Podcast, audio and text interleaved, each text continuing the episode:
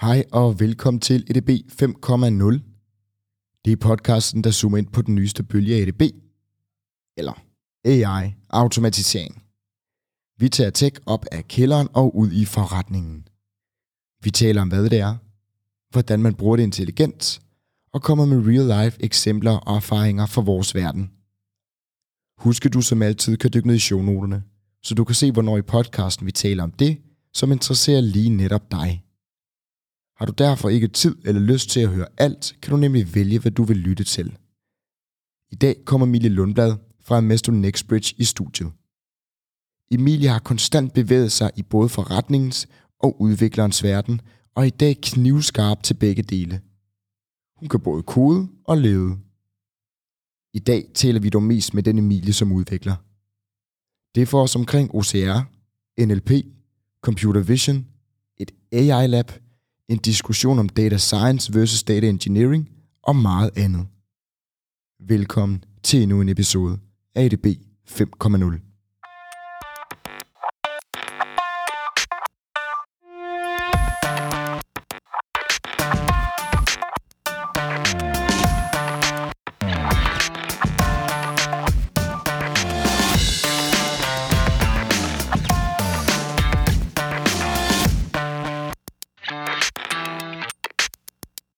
Hej Emilie, Hej Mathias. velkommen til. Mange tak.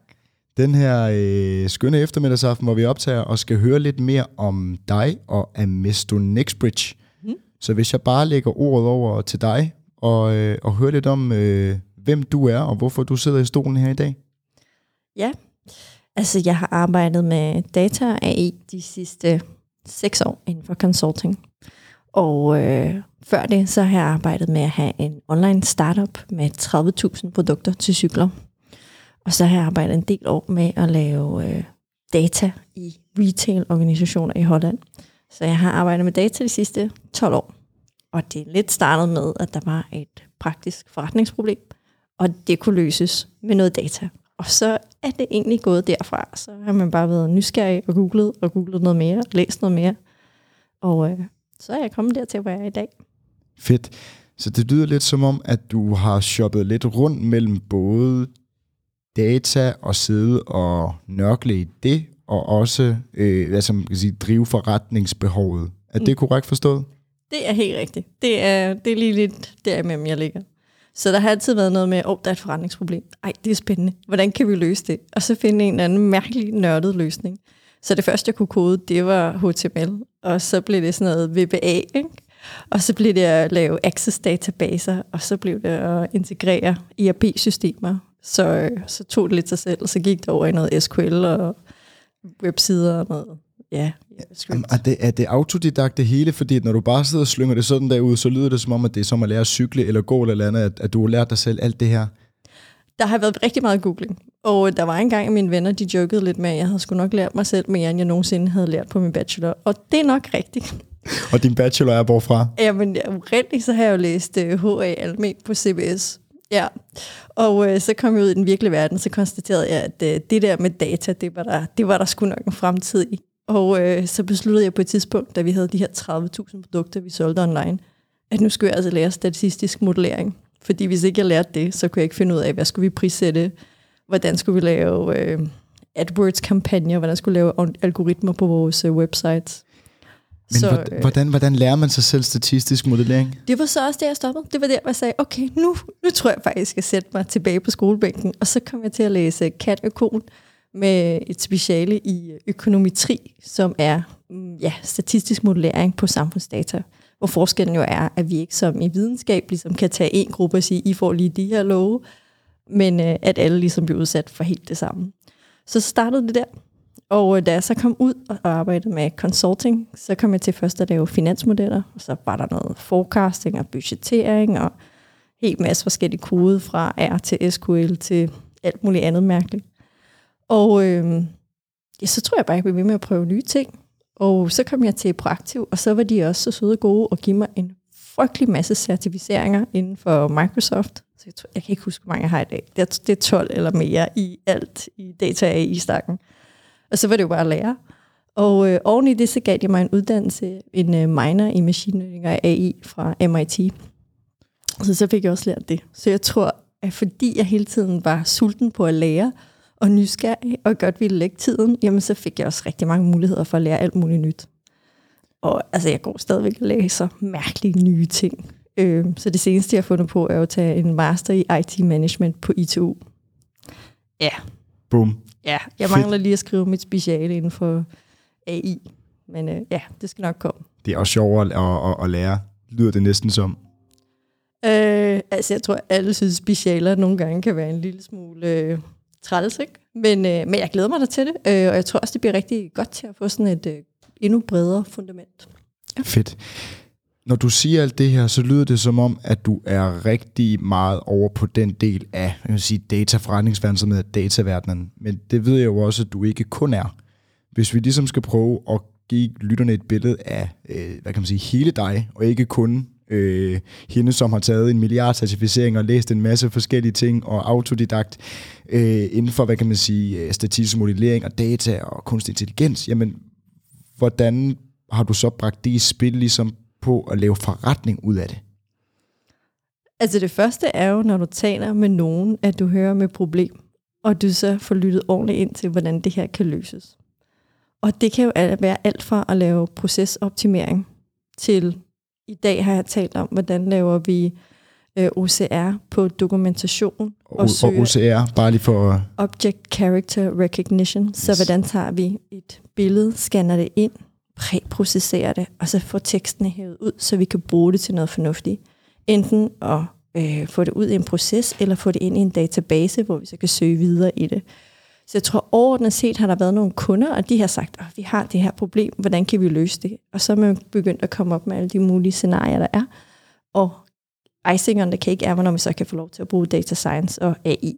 Men øh, det er jo vigtigt, at vi har god datakvalitet. Det er nok ikke den første her i programmet, der siger. Så derfor synes jeg selvfølgelig også, at alt, der hedder BI og data engineering, det er rimelig vigtige egenskaber her på plads. Ja, og vi har jo snakket lidt om det før, men, men hvis vi skal prøve igen at tage en, en, en kort samtale diskussion omkring, hvad forskellen mellem data engineering og data science det er. Altså i den ideelle verden, ikke? Så vi har jo en fantastisk lead data scientist, som hedder Laura. Og det fantastiske ved Laura, det er, at hun både kan lave data engineering, og hun kan lave data science. Hun forstår at extracte sin data. Hun forstår, hvordan den skal struktureres, alt efter om hun har fat i medicinaldata, eller øh, vanddata, eller mm, elektricitetsdata. Så forstår hun, hvordan hun skal hive det ud, hvordan hun skal strukturere det, så det kan hentes ind igen. Og så forstår hun, hvilke indsigter hun så kan begynde at lægge ovenpå. Så hun kan, når jeg sidder og også laver webinar med hende, så kan hun arbejde i, for mig er det Data Factory, men hun kan også lave en pipeline i bare et Python script. Hun kan trække det ind, hun kan lave en Pandas data frame, hun kan også lægge det ned og øh, sørge for, at vi har det lagt i en data lake. Og så kan hun tage det videre over og arbejde enten i Databricks eller inde i øh, Machine Learning Service, hvor hun så kan finde ud af, jamen enten at forekaste, okay, hvad sker der, når det regner helt vildt meget, eller øh, hvad kommer elektricitetsprisen til at være, eller hvad tror vi, hvornår tror vi, vi går i medical shortage, har også været et, et andet eksempel. Det er hun rimelig god til så at, at få fundet ud af. Så, så er hun også god til at visualisere det, så det giver mening for folk, så de rent faktisk får historien med på, hvad er det der er bagved. Og så går hun rigtig meget op i, at det hele spiller, sådan så det bliver operationalized. Så det er ikke bare én gang, hun har lavet en notebook. Nej, hendes pipeline, den bliver ved med at køre. Dataen bliver ved med at spille, og derfor så kan hendes machine learning model blive ved med at køre. Fedt. Der var en masse data lake og Python scripts og øh, eller øh, ja, Python scripts pipeline og en masse andre øh, ord for alle, som ligesom er inde i, i, øh, i ML AI verdenen. Ja. Hvis vi nu skal trække det her ned på et niveau, så øh, alle kan være med, Yes. øh, bare lige for øh, prins Knuds skyld. Mm. Hvad er så forskellen på at hvad kan man sige, lave data engineering og lave data science? Så jeg plejer altid at snakke om huse, når jeg snakker med kunderne. Det lyder som en god analogi. Ja, og det betyder, at vi skal have et ordentligt fundament at bygge på. Det er som regel noget med, om vi arbejder i en ordentlig cloud, eller øhm, vi bare har styr på sådan vores generelle infrastruktur. Så ud over vores fundament, så skal vi ligesom også have noget vand trukket ind. Ikke? Det er nogle pipelines, der er noget elektra, der skal ind, ikke? der er noget luft, der skal ind og ud. Så det er nogenlunde på samme måde. Dataen den skal flyde ind og ud, og vi skal også kunne store den, om det nu er, fordi der er vand i vasken, eller øh, hvad det skal være, men vi skal kunne lægge det et eller andet sted, så vi kan bruge det. Øh, vandtanken, så kan vi varme det op. Øhm, men i sidste ende, så er det jo fordi, vi skal have en eller anden service, øh, som giver en added value i vores hverdag. Det kan være, at det er et varmt bad. Det kan også godt være, at det er vaskemaskinen, eller det er vinduerne, der gør, at vi som kan se verden lidt klarere. Det vil jeg nok sige, at data science. Fedt. Vi skal øh, lige om lidt tale meget mere om det, du laver til daglig. Øh, og, øh, og du sidder jo også her i dag, fordi du har været i øh, data AI-branchen i lang tid og til med som, som konsulent, hvor du har oplevet en hel masse, som du forhåbentlig kan gøre både mig og lytterne meget kloge på om, øh, om lidt.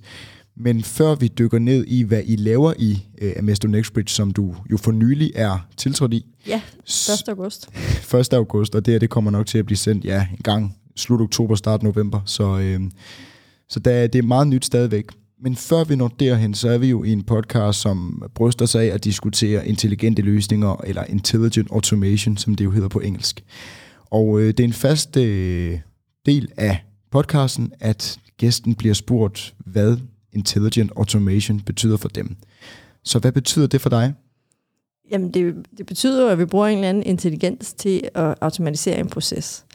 Og en proces er jo noget, vi ellers gør. Jeg kan gå hen og jeg kan sende min e-mail eller skrive noget til dig, og så bede dig, kan du ikke lige ringe til Hans, og så kan Hans måske trykke på knappen, så døren åbner nedenunder. Det er nogenlunde det, der skete, da jeg kom herhen.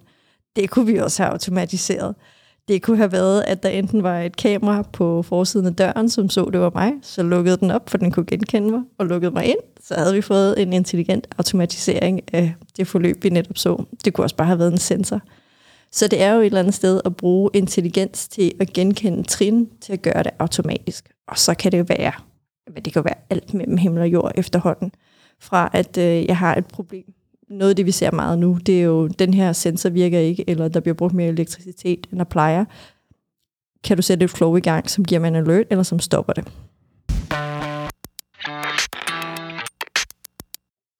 Emilie, vi skal jo øh, tale om det, det egentlig skal handle om. Øh, Amesto, hvad, hvad I laver, og, og dine perspektiver på AI, ML-verdenen, som stadigvæk omgæret og omgivet af meget mystik og bullshit, havde jeg nær fået, øh, for, for, fået sagt. Ja. Så hvis vi øh, lige tager den ned, trækker den helt ned og siger, hvad er det, I laver til daglig? Til daglig, der har vi fire forskellige afdelinger. Vi har en, der laver advisory. Det er sådan helt klassisk consulting. Nogen skal have en datastrategi, en AI-strategi, et GDPR-framework. Der er problemer med deres masterdata. Det skal de have noget hjælp til. Så er der den anden klassiker, business analytics. Vi har noget data. Hvad skal vi gøre ved det, og hvordan sørger vi for, at det er sikkert opbevaret, sådan så vores brugere kan bruge det, og der kan laves noget rapportering. Det kan være alle mulige former for dataplatform. Så har vi vores øh, andet ben, som er vores AI og emerging tech. Der laver vi data science og AI.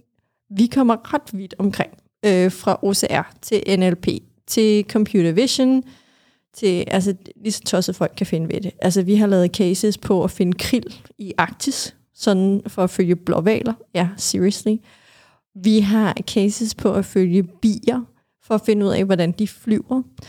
Og hvorfor er det vigtigt? Jo, fordi alt efter hvor de flyver hen, så får de enten noget god mad, eller også så får de noget mad med pesticider i, og det dør de af, og så dør bierne, og det går ikke. Så vi er nødt til at finde ud af, hvad er det for nogle flyvepatterns, de har. Så vi har nogle øh, super spændende og lettere utrærede cases til tider, men øh, det bliver aldrig kedeligt. Og i det sidste ben, i vores AI Labs, der har vi samarbejde med universiteter, for eksempel ITU og DTU, hvor vi tager studerende ind og arbejder sammen, eller researchers, og siger, okay, det her spændende emne, det kunne være virkelig spændende at grave os ned i. Øhm, det er en rigtig god måde at få en masse dyb ekspertise, og også få lov til at nørde i dybden, hvilket man ikke altid kan få lov til i consulting. Og så hjælper vi også startups. Så vi hjælper startups med at få styr på deres øh, IT-backbone, og få styr på deres ML-kode, så måske har de haft en rigtig god idé. De har lavet en POC, nu skal de lave en MVP, så de kan få nogle penge fra nogle investorer, og så vil investorerne også nogle gange have noget AI due diligence, så laver vi også det. Så det er noget med, okay, I har en cloud, den skal I have spundet op. I skal have styr på jeres øh, pipelines, I skal have styr på jeres MLOps, I skal måske have styr på jeres GitHub, jeres øh, DevOps, og i øvrigt øh, noget med noget sikkerhed. Kan I også lige hjælpe os med det?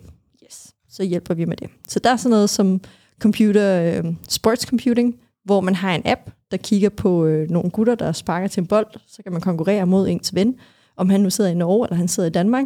Spark til bolden, find ud af, hvem der rammer den bedst, spinner bedst, alle mulige scoringspunkter. Og sådan kan man også finde ud af, hvordan man selv bliver bedre. Fedt. Der er en hel masse at tage fat i her.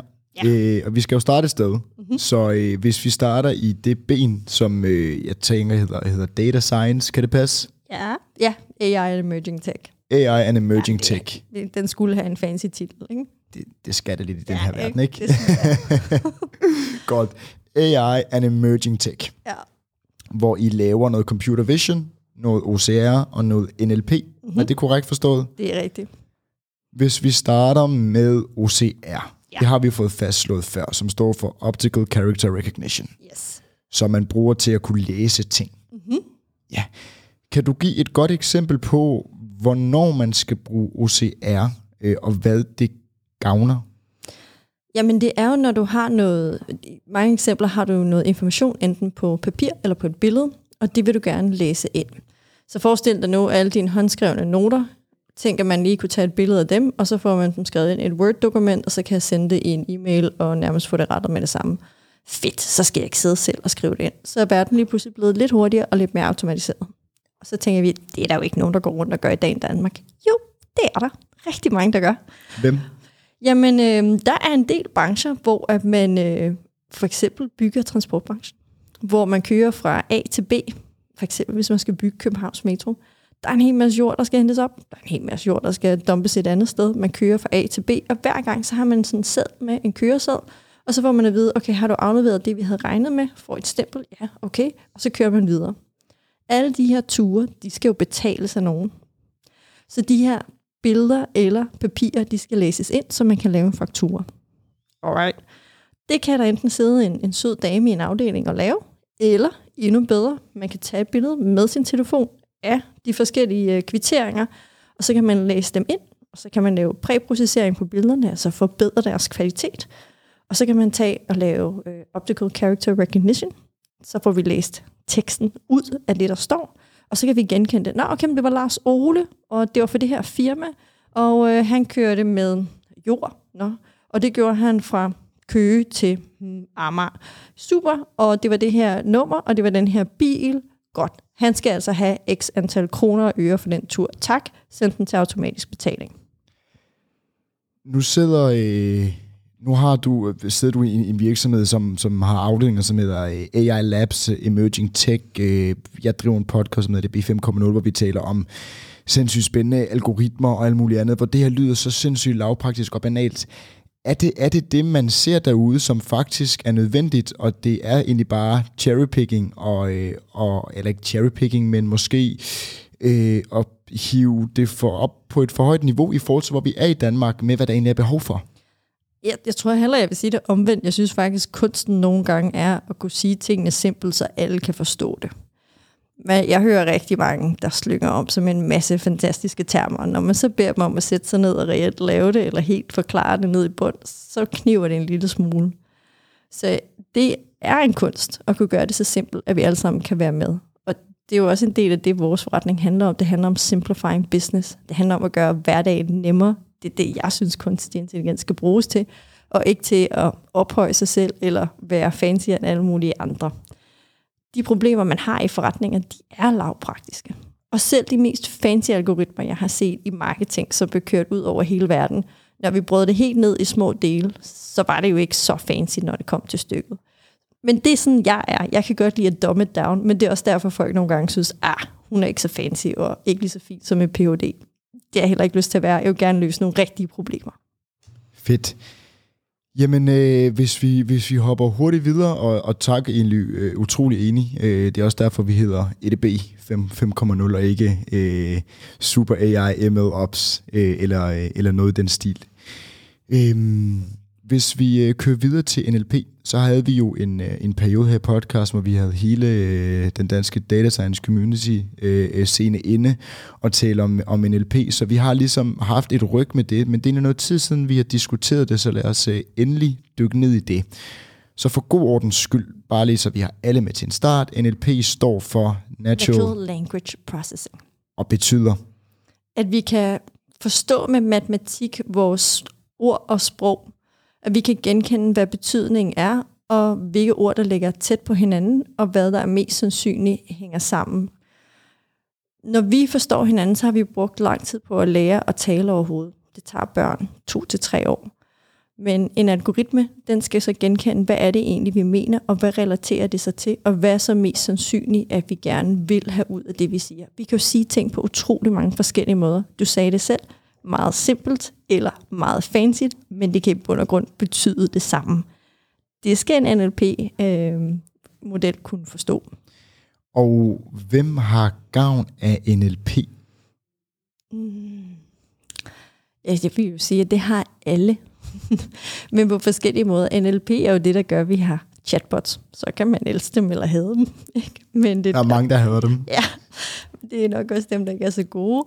Øhm, det er også øh, dem, der gør, at vi har sådan noget som GPT-3, der rent faktisk kan generere tekster. Øh, det mest, altså det, det, jeg sad og kiggede på på Ignite i sidste uge, det var øh, min fascination af, hvordan den bare kunne tage et dokument og så lave et summary til mig. Eller jeg bare kunne starte med at skrive starten på en tekst, og så kan den fylde resten ud.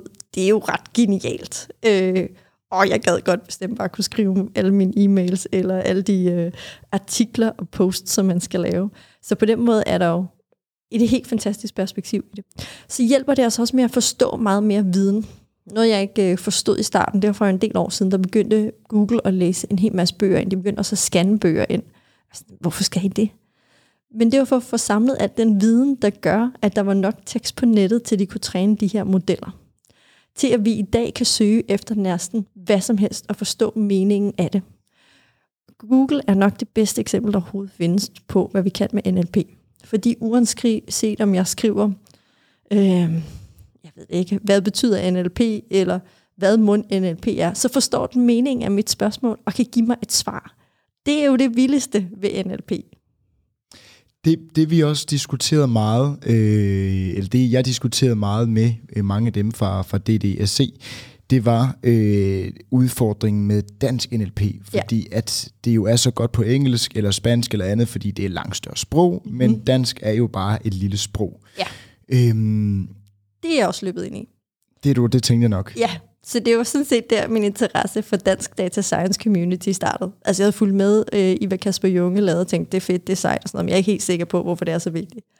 Så lidt fun fact. Øh, både den virksomhed, jeg er nu, der hjalp de et firma, der hedder Retriever, med at lave en NLP-model til at forstå SoMe-data. Hvad gik det ud på? Prøv at forstå, hvad mennesker mener om brands, og hvad de snakker om på social media. Jeg sad over i Group M, og kom et år senere ind, og så fik jeg at vide, kan du ikke lave en model ligesom den her, de har til Retriever, den er rigtig fed, men vi vil ikke betale så meget for den, kan du ikke lave det? Jo jo, det kan vi da godt prøve.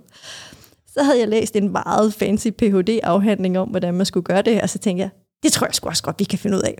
Ja, så kæk som vi var, så kastede vi os ud i det. Så vi begyndte at whipscrape en hel masse keywords på en hel masse forskellige social media. Det er en lang historie, alle de forskellige trin, vi var igennem. Noget virkede, noget gjorde ikke. Så kom vi hen til, at vi skulle lave vores sentiment analysis og vores NLP. Det gjorde vi selvfølgelig med nogle af de standardværktøjer, der findes. Og så konstaterede vi, det virker jo ikke. Det er ikke noget møg. Hvad gør vi så? Og så var det jo, at der netop var nogle fantastiske mennesker, som Kasper og Malte, som havde været ude og prøve at lave nogle danske modeller. Så vi tog fat i Roberta og konstaterede, det virker jo meget bedre. Okay, det er derfor, det er så vigtigt, at vi får nogle modeller, der er trænet på de nordiske sprog, så vi rent faktisk kan få en fornuftig forståelse af, hvad det er, folk siger. Om det nu er politisk, eller om det er om brands.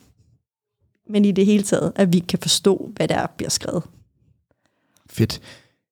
Det, øh, ja, det var også det, den opfattelse af, eller øh, Elektra, som alle har været med til at bygge, og senere med Dan Sotrup, der han trådte ind også, og de, de lavede alt muligt andet.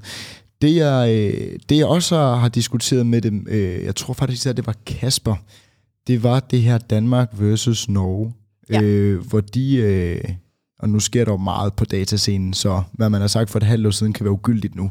Men det er ikke meget mere end en halv til et helt år siden, at de fortalte mig, at øh, det var meget sværere og meget dårligere at lave NLP på dansk, fordi de af en eller anden grund i Norge var langt bedre. Har du, nogen, har du noget kendskab eller nogle holdninger til nordisk sprogteknologi, om der er nogen lande, der er foran eller bagud? Nej, jeg har, ikke, jeg har ikke en holdning til det. Jeg har, jeg har forstået, at de på nogle universiteter i Norge har nørdet det her noget mere. Og vi havde faktisk en pige ansat i Amestonex Bridge i Norge, som havde skrevet sin Ph.D.-afhandling i netop at lave NLP på det norske sprog, og som havde siddet og trænet de her modeller. Øh, hvad jeg kunne forstå fra hende, så var det bare sådan, at man havde haft et større fokus på det i Norge, end man havde haft i Danmark fra universiteternes side. Øhm, og der har måske også været... Øhm, der har også været nogle andre research-elementer inden over, som har gjort det. Men jeg har ikke nogen mening til, hvorfor er det blevet større eller bedre i Norge eller i Danmark. Øh, altså, jeg har siddet og kigget på vores sammenligning, den her model, man lavede af Mester Next Bridge på Retriever. Den var på dansk, norsk, finsk og dansk. Dansk, norsk, finsk, svensk, dansk. Der var den.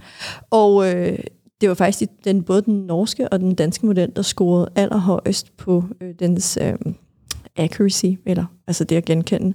Hvor den, der havde det allersværest, var faktisk den finske. Så hvis jeg kigger på det research, vi har lavet, så er det det, vi har fundet. Kanon. Lad os hoppe videre til... Og det, var øh, så, det, det er jo lidt tid siden. Det er det tid siden. Så Ja. lad os, øh, Ikke et år, det er det. der kan ske meget. Ja. Hvis vi går videre og skal tale om computer vision, som I også laver, hvad er det? Ja. Det er en øh, computer, som øh, kan forstå det, den ser. Så det er jo, at jeg sådan set kan tage et kamera, og så kan jeg forstå, hvad er det egentlig, der sker på kameraet. Så hvis jeg nu filmer dig, så skal den gerne kunne sige, jamen der sidder en mand. Den skal måske også kunne sige, der sidder en mikrofon, og måske kan den også genkende en computer. Så generelt så skal den kunne genkende de elementer, vi har på billederne. Det kan godt være lidt svært. Øh, der skal en masse labeling til, og der skal en masse træning til på computer vision. Heldigvis har vi en dag en masse prætrænede modeller, som vi kan gøre brug af, og det gør, at mange af os hurtigt og nemt kan komme i gang med at bruge computer vision. De sjove eksempler er at kunne genkende øh, celebrities, øh, mænd, kvinder, katte. Øh, Gud, hvor er jeg træt af katte. Det er der virkelig blevet genkendt meget af, men ja, det kan man. Øh, Og hvad, hvad er formålet med at kunne genkende ting på billeder? Hvor, hvordan giver det værdi? Altså jeg tror, en af de sjoveste og mest øh, brugbare cases, jeg har set hos en kunde, det var øh, brugerplatformen. Hvor man faktisk brugte det at tage videooptagelser ude på brugerplatformene til at genkende tidspunkter, hvor folk opførte sig farligt. Altså de havde hjælp på, eller øh, de var i gang med at, at koble noget sammen, som kunne eksplodere eller kunne blive farligt. Hvis du stopper en brugerplatform, så koster det rigtig, rigtig mange penge i minuttet at stoppe den, så derfor har du behov for, at der ikke sker den her type af fejl. Både fordi folk kan komme alvorligt til skade, men også fordi det koster virksomheden mange penge. Det var en ret meningsfyldt opgave til Computer Vision, simpelthen at have kamera siddende til at genkende, hvornår opstår der situationer, som kan være farlige. Er det også sådan noget, der bliver brugt i, øh, det er selvfølgelig lidt af et spring det her, men er det også noget, der bliver brugt i overvågningssamfund? Øh, hvis, man, hvis man både vil have det i Danmark, eller vi ser det jo især i, øh, i andre lande. Altså vi ser jo øh, skrækscenariet i Kina, øh, der jo efterhånden er sådan en lidt Orwellian world. Du kan, det er testet, du kan ikke gå på gaden i Kina i mere end 15 minutter, uden at blive genkendt. Du kan ikke få lov til at få en mobiltelefon i Kina, uden at der er taget et billede af dit ansigt. Det er for, at de kan genkende dig på alle de overvågningskameraer, der findes. Det betyder også, at man ikke lever frit, som vi lever frit i Danmark. Det er naturligvis problematisk. Så hvis vi hiver den her samtale om det computer vision blandt andet kan gøre godt, og for eksempel sikre sikkerhed, og at en virksomhed ikke taber mange penge undervejs, øh, mens man er i gang. Er der så noget etisk i at skulle øh, benytte sig af computer vision, og, og kan man tage, tage teknologien for langt? Ja, er svaret. Og det er der desværre også både virksomheder og øh, lande, som gør. Og derfor er det vigtigt, at vi øh, i EU får regler omkring, øh, hvad er etisk AI, og hvad må vi bruge det til. Det kan meget nemt gå for langt. Dejligt, dejligt øh, øh, præcis og, øh, og klart svar. Hvis vi så fokuserer på det gode igen, og, og lader EU øh, arbejde med regler, jeg ved, at der kommer et nyt GDPR-direktiv ud for AI Ja, i løbet af ja, i 2023. Øhm, det var så det dårlige. Hvis vi taler om det gode ved computer vision, ud over brugerplatformen, er der så andre ting eller andre cases, hvor du har set, at man, man kan bruge det til noget, som, som rent faktisk giver gavn? Jamen, rent faktisk giver gavn. Det er jo, der er jo virkelig mange ting, man kan lære af det. Eksemplerne er jo det her ved- i butikker, hvor man gerne vil tælle øh, mennesker, der kommer ind, men faktisk også tit, at man finder ud af, at der er et problem, som man egentlig ikke ellers kunne se på data. Hvorfor bliver folk ved med at gå til højre? Hvorfor går de aldrig ind af den her dør? Altså lige pludselig kan du få øje på nogle af de, de problemer, der er. Øhm, forekomme uheld. Øhm, oh, en jeg elsker. Hit me. Ja. Trash. At man kan sortere affald automatisk. Så på den måde får man øh, skilt alt plastikken fra resten af affaldet, men den kan også genkende, hvad det er for en type af plastik, og på den måde få dem øh, grupperet rigtigt, så man kan genbruge plasten i stedet for at brænde det af. Det er fedt. Hvor, hvorhen? Fordi det kommer vel ikke op nede i min øh, baggård? Nej, det gør det inde på en affaldsfabrik. Så hvis du nu forestiller dig sådan en rullebånd, og nu tager vi lige alle de her øh, Øh, hvad hedder det, affaldsspande, og så kaster vi dem ned på rullebåndet, og så får vi spredt det godt ud. Men så kan den rent faktisk genkende, hvad er det for noget type plastik, der ligger her, og så få det taget op og sorteret. Og på den måde, så kan vi sortere det på en bedre måde, og skåne miljøet, og ikke bare brænde det af. Det er rigtig godt. Den kan også gøre det med plastikflasker, for eksempel. Øhm, så på den måde øh, hjælper den jo os med ting, som hvis mennesker skulle stå og sortere det, så ville de have et ufatteligt kedeligt job. Ja. Fedt. Jamen, så har vi været lidt igennem øh, OCR, øh, NLP og computer vision. Hvis... Altså, altså, så er der også en hel masse med healthcare, ikke? men det bliver meget langhåret at forstå sådan noget røntgenbilleder og scanning af hjernen og modermærkekræft. Og, altså, ja. ja. Vi har nogle af de episoder til de af jer, der skulle være interesseret. Nogen, der kun har arbejdet med, øh, med healthcare. De ligger, de ligger lidt længere ned, hvis, hvis I skulle ned. Men øh, hvis, vi, hvis I nu gerne vil høre om, øh, om et AI-lab, og hvad det betyder, og hvad det har af øh, gavn, så, øh, så er du måske den, den rigtige, siden I har et. Ja, altså man siger, den gavn, den har, er, at vi kan hjælpe startups med at nå til et professionelt niveau rigtig hurtigt orden. Det vi kan hjælpe investorerne med, det er ikke at købe katten i sækken. Det kan være rigtig svært udefra som investor at vurdere, at det her er en reelt AI, eller er det if-statements øh, og noget med en rigtig fancy frontend. Det går vi ind og kigger på. Det reviewer vi. Det får du så en helt øh, rapport på, hvor du kan kigge det hele igennem, og hvor det også er dokumenteret. Så skulle dine founders nu en dag løbe væk, så skulle du nok stadigvæk kunne køre din kode og få noget ud af produktet. Så I... Øh, hjælper I er, begge parter.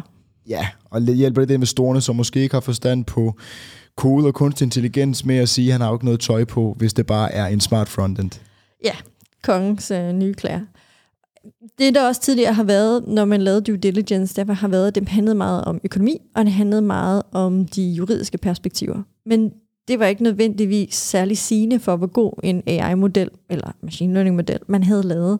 Så derfor har man behov for en anden type af due diligence end tidligere. Jeg hæfter mig lidt ved noget, du sagde tidligere også, øhm, og som egentlig er sindssygt brugbart, hvis man nu sidder derude og gerne vil starte en, øh, en virksomhed.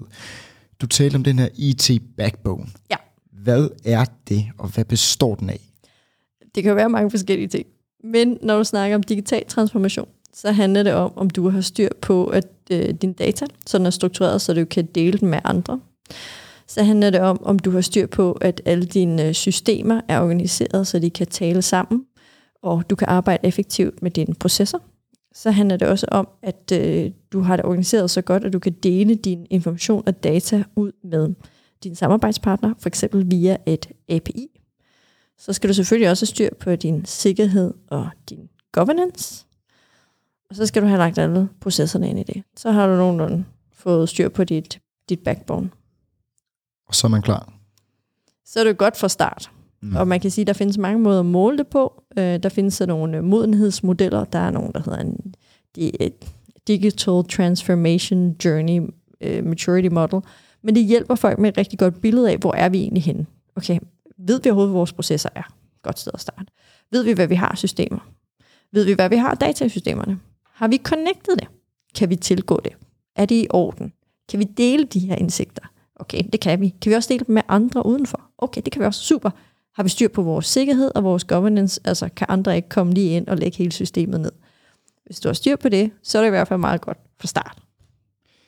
Og øh, det jeg også øh, lægger mærke til, du nævner på gang, det er sådan AI due diligence, du blandt andet nævner, I gør, hvor I, hvad kan man sige, lader sådan matchmaker for, øh, for investorer og øh, upcomings. Det er ikke sådan, det startede. Det er en virksomhed, jeg arbejder for. De investerer i startups. Mm. De har blandt andet lavet noget, der hedder Aprila Bank. Det svarer til Luna i Norge. fordi de har investeret i en masse startups, så blev de selvfølgelig også interesseret i, okay, har vi købt katten i sækken, eller har vi købt noget, der er godt? Og så bad de os om at komme ind og review det. Og fordi vi har gjort det en del gange, så har vi fået noget erfaring med det. Udover det, så er Lars Rinan, som er vores CEO, han synes startups er det fedeste i verden. Det har han så også kastet en masse penge efter. Det skal han også forsvare. Så når nu vi har været ude og hjælpe folk med enten at genkende bier, eller krill, eller øh, en af de utrærede lakse øh, lus, og fjerne dem med laser. Så nu har jeg haft gang i alt det her, så skal han ligesom også kunne vise frem, at det har faktisk været nogle fornuftige investeringer. Fordi det vi gør, det er, at vi går ind, og så gør vi det ikke gratis, men vi skal kun have 50% betaling, og resten af det bliver sweat equity, så vi får en andel i virksomheden. Derfor så skal vi jo selvfølgelig også kunne fortælle til dem, der ejer os, at jamen, det er en fornuftig investering, vi har gjort af vores tid og vores penge.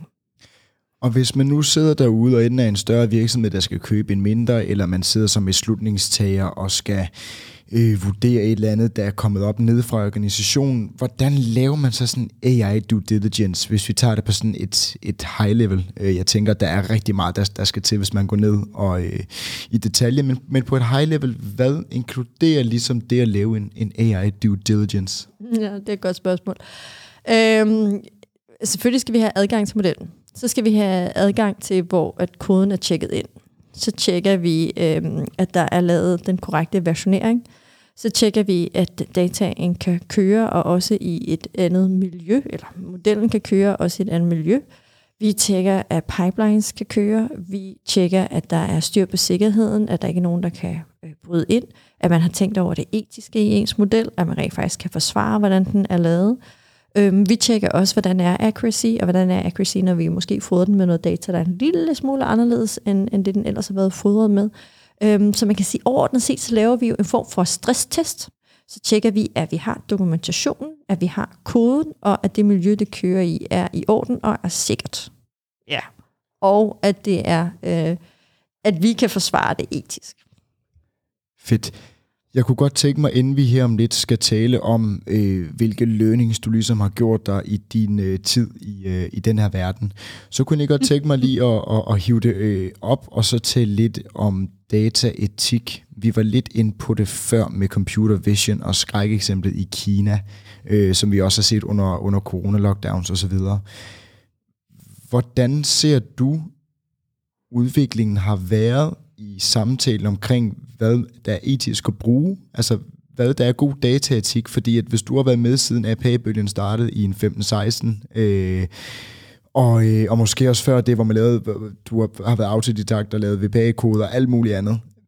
Hvordan ser du, der har været en, en, en udfordring i, hvad man kan tillade sig, og hvad man ikke kan tillade sig at bruge?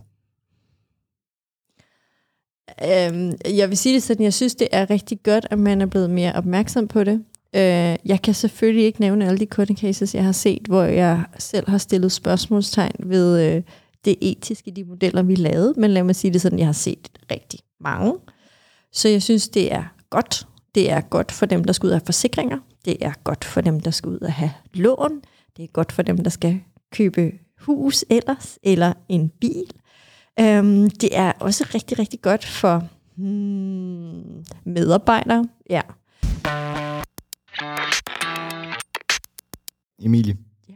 afslutningsvis her ovenpå en øh, lille diskussion omkring dataetik og udviklingen i den, så øh, kunne jeg godt tænke mig at, øh, at give lytterne mulighed for at lære lidt af dine bedste læringer øh, i, øh, i branchen, både for set fra man sige, et forretningsmæssigt perspektiv, men også fra et dataperspektiv eller et personligt perspektiv. Hvis du sådan ligesom skal sige, det, det er det, jeg har, jeg har lært, som jeg vil ønske, jeg vidste, eller skal give videre til andre. Mm. Hvad, skal, hvad skal folk så tage med? De skal blive ved med at ture og prøve, og blive ved med at være nysgerrige, nysgerrige på andre mennesker, nysgerrige på, det, hvad der sker, og have lyst til at lære nyt. Det tror jeg er den vigtigste egenskab, man kan have i den verden, vi går ind i. Det er egentlig ikke, at man kan alt, men det er, at man har lyst til at prøve at lære alt det nye, der sker. Øhm, så vi vil med at holde fast i det. Så er lidt ydmyghed, det er også godt. Men samtidig skal man ikke lade sig skræmme. De fleste eksperter, det kan godt være, at de er eksperter inden for et meget snævert område, men, men det er det ikke på det hele. Så øh, lad være med at tro, at du ikke er god nok. Jeg tror næsten, altså dagligt møder jeg nogen, som er bange for, at de er ikke gode nok, og de kan ikke nok. Og jeg synes, de er super dygtige og sindssygt vigtige. Så det vil jeg nok give videre til alle andre. Du kan mere, end du selv tror. Bliv ved med at prøve, bliv ved med at lære og være nysgerrig. Det, jeg hæfter mig meget ved, det er, at du er rigtig meget på det menneskelige her. Hvor meget betyder det menneskelige i en ultra-digital verden, du arbejder i til daglig? Ja, men hvis jeg lige spoler tilbage til de møder, jeg havde tidligere i dag, så snakker vi jo om, hvordan vi kan automatisere nogle processer. Og så stopper vi op og siger, men vi skal lige have menneskene med. Fordi vi kan opfinde de vildeste ting. Og VPP er et rigtig godt eksempel på, at vi opfandt vilde algoritmer og machine learning modeller, der kunne forekaste, hvordan alle medieplaner skulle rulles ud. Det var der bare ikke nogen af medieplanlæggerne, der havde lyst til at gøre. Og sådan har man det også ude i virksomhederne. Så vi er nødt til at tage menneskene med, og deres helt almindelige motivationer og adfærd. Øh, den bedste bog, jeg har fået, det er Jytte fra Marketing er gået fra i dag. Og jeg elsker stadigvæk Morten Mønster. Og vi må aldrig glemme det menneskelige aspekt, fordi det er der, at alle IT-projekter mislykkes. Så menneskerne er de med afstand vigtigste. Øhm, nu har vi jo, øh, nu skal vi jo ikke tælle for meget fremtid, øh, men, men mere ligesom, hvad, hvad du har lært. Har du set projekter fejle, fordi menneskene ikke var med? Ja. Det kom klart og tydeligt. Jamen, altså, da jeg, da jeg startede, så troede jeg, det vigtigste i verden, det var bare, at jeg skulle være den bedste til at kode. Jeg skulle bare kunne flere programmer, jeg skulle kunne det hele, og så ville projekterne blive en succes. Og med tiden har jeg fået utrolig stor respekt for dem, der forstår at håndtere mennesker, og tage det perspektiv med, fordi det er det, der gør, at vi lykkes. Det er, når alle er med, og alles viden bliver inkluderet, og alle har lyst til, at det lykkes. Så når nu jeg gik tilbage og læste digital transformation og change management på ITU, så er det fordi, at jeg havde set nok projekter fejle. Ikke fordi folk ikke var teknisk dygtige, men fordi et menneske ikke var god nok til at samarbejde. Så, så det kommer vi nok ikke helt udenom. Og så øh, det humanistiske, det der gør os til mennesker, følelserne, det bløde, det er jo også det gode ved os. Det er jo lige netop, at vi ikke er robotter. Det bliver jo en lidt skræmmende verden, når det hele er styret robotter. Og det kommer altså fra, øh, fra dataeksperten, der, der lever under for at arbejde med det her. Ja, så hvis jeg sådan skulle sige en sidste, så øh, i 2015, der læste jeg en bog, som ændrede min verden. Den hed for, for Gutenberg til Zuckerberg. Og den handlede om, hvad der var sket fra, at Gutenberg han opfandt printing press, og så til vi når frem til Zuckerberg og sociale medier, hvor vi alle er connected. Og den handlede egentlig om, hvad der vil ske med samfundet og velfærdssamfundet, når alt bliver til data, og alt bliver automatiseret. Og det var så skræmmende en bog, så den fik mig til virkelig at bevæge mig ind i at arbejde med det her område, for at se, om vi kunne gøre noget lidt bedre og skabe noget mere menneskeligt inden for det her område. Så det er en gammel bog, men varm anbefaling. Det er virkelig et fantastisk perspektiv på, hvad innovation, hvad information gør for innovation, men også hvor meget det ændrer i hele vores samfund. Det lyder som et øh, smukt sted at stoppe og sige tak for i dag med, en, øh, med nogle generelle anbefalinger, og til sidst en boganbefaling, Emilie. Tusind tak, fordi du vil komme øh, forbi studiet i dag. Det har været en øh, udsøgt fornøjelse. Mange tak, fordi jeg måtte komme. Selv tak.